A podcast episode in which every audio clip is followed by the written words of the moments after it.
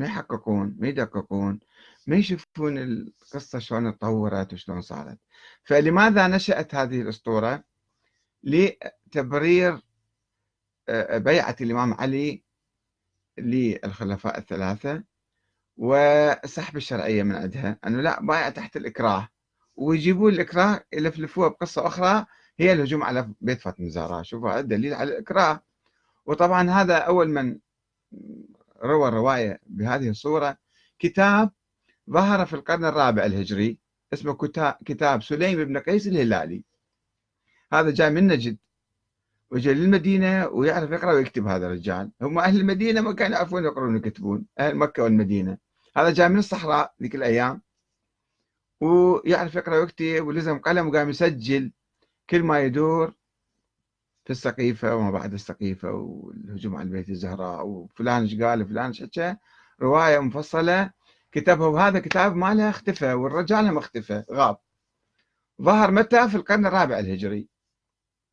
أيام البوهيين والكتاب انتشر وكل الروايات اللي ياخذوها الآن من هذا الكتاب.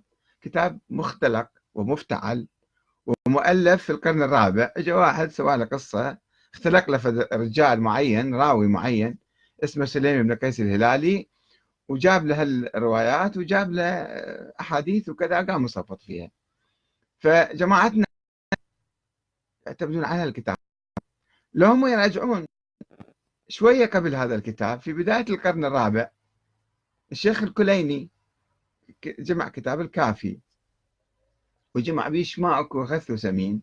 والغث ماله أكثر من السمين كما تعرفون. كما يقول علماء الشيعة. شماءكم من أحاديث رواها وجمعها؟ لم يذكر هذه القصة أبدا.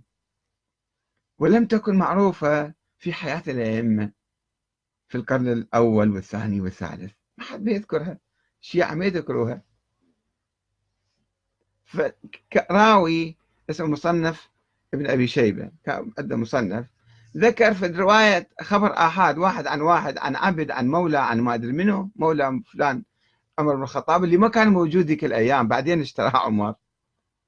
أنه آه، عمر قال آه، اعتصم بعض الصحابة في بيت الإمام علي وقال لهم تعالوا اخرجوا بايعوا وإذا ما تخرجون قالوا له أحرق عليكم الدار قالوا له بالبيت في فاطمة؟ قال وين؟ هاي الكلمة. لا حرق ولا عصر ولا سقط جنين ولا هاجم الدار ولا كذا. بعدين صارت القصة كأنها حقيقة وقامت تتطور. هذا المؤلف في بدايات القرن الثاني الهجري. كلمة رواها ومشت تطورت. اجى البلاذري واجى آه، ابن قتيبة واجى فلان. واحد بعد واحد قام يزيدون عليها. ثم صارت تؤلف كتب بعد مئات السنين. وتنسب إلى رجال قبل 100 سنة 200 سنة. الجوهري كتاب. كتاب الغارات كتاب ما أدري منه. منو شاف الكتاب؟ منو عرف الكتاب؟ وين الكتاب؟ ما حد يعرفه. السيد المرتضى راوي له رواية بالقرن الخامس. أنه رواية عن هذا ما أدري الغارات عن الإمام الصادق. أنه الإمام علي لم يبايع حتى رأى الدخان في بيته. هذه رواية بالقرن الخامس ولا 500 سنة يعني. واحد يروي رواية طائرة بدون سند وبدون مستند وبدون أي شيء.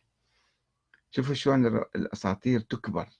تكبر وكذا لأنه كان في ذيك الأيام صراع سياسي بين البوهيين وبين العباسيين وكذا. فسووا القصة هذه حتى يضربون نظرية الشورى. هم العباسيين ما طبقوا الشورى ولا الأمويين طبقوا الشورى. ولا الفاطميين حتى طبقوا الشورى. لما صار الحكم بيديهم ما طبقوا الشورى أخذوها وراثة. مثل العباسيين مثل الأمويين. بس لازم يسحبون البساط من تحت العباسيين في القرن الرابع والخامس.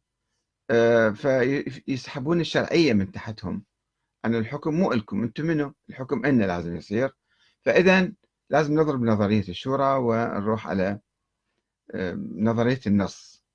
وصار أيام البوهيين.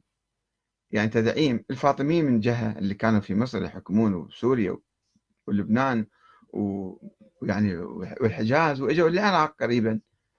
آه، فصار صراع بين العباسيين وبين الفاطميين حول أن الحق للإمام علي.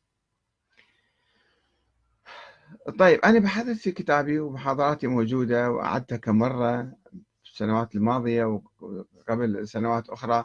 أي واحد يحب يستمع للمحاضرة بالتفصيل والمقالة موجودة على الصفحة مالتي وبالكتاب مالتي. أيضا هذا الكتاب الشيعة والسنة السنة والشيعة وحدة الدين. ما عندنا خلاف حول الدين إنما الخلاف حول السياسة والتاريخ.